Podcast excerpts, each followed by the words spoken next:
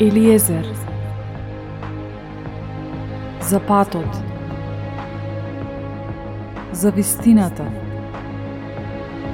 За животот.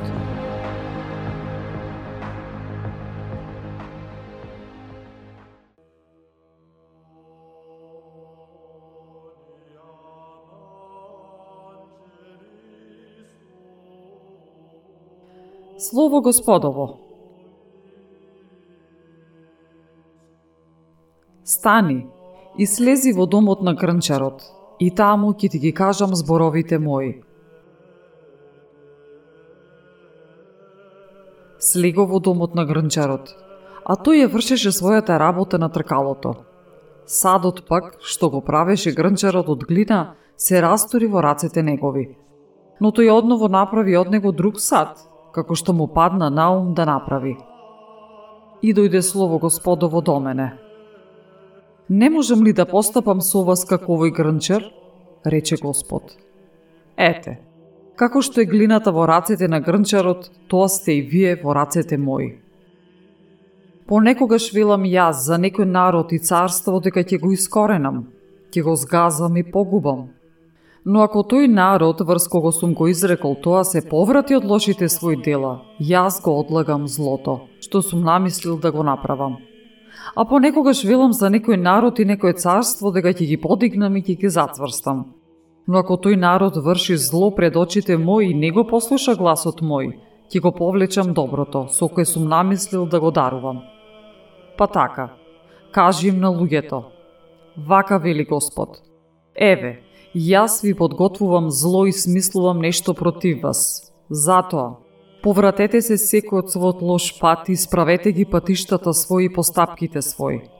Но тие велат, не надевај се, ние ќе си живееме како што сакаме и секој од нас ќе постапува според своето закоравено зло срце.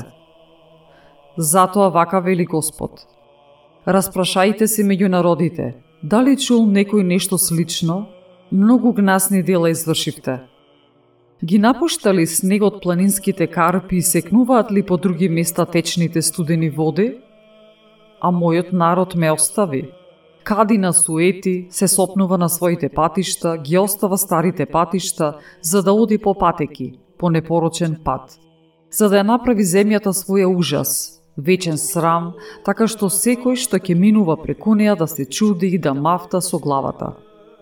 Како источен ветер, ќе ги распрснам пред непријателот.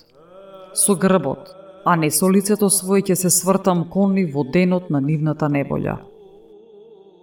Така вели Господ. Проклет да е човек кој се надева на човек и кој телото го смета за своја крепост и чие срце се одвраќа од Господ. Тој ќе биде како троскот во пустина и нема да види кога ќе дојде доброто па ќе се насели во топли пустински места, во земја солена и непогодна за живење. Благословен е човекот кој се надева на Господ и кому надежта му е в Господ, затоа што тој ќе биде како дрво посадено крај води, што ги пушта корењата свој покрај патот.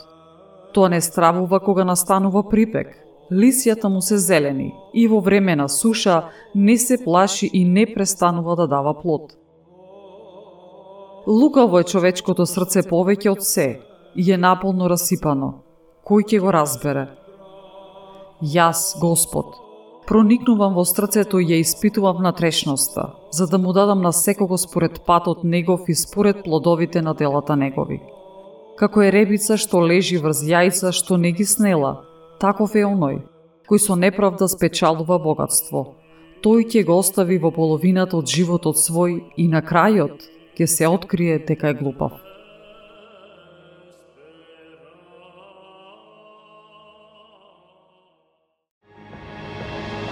Елиезер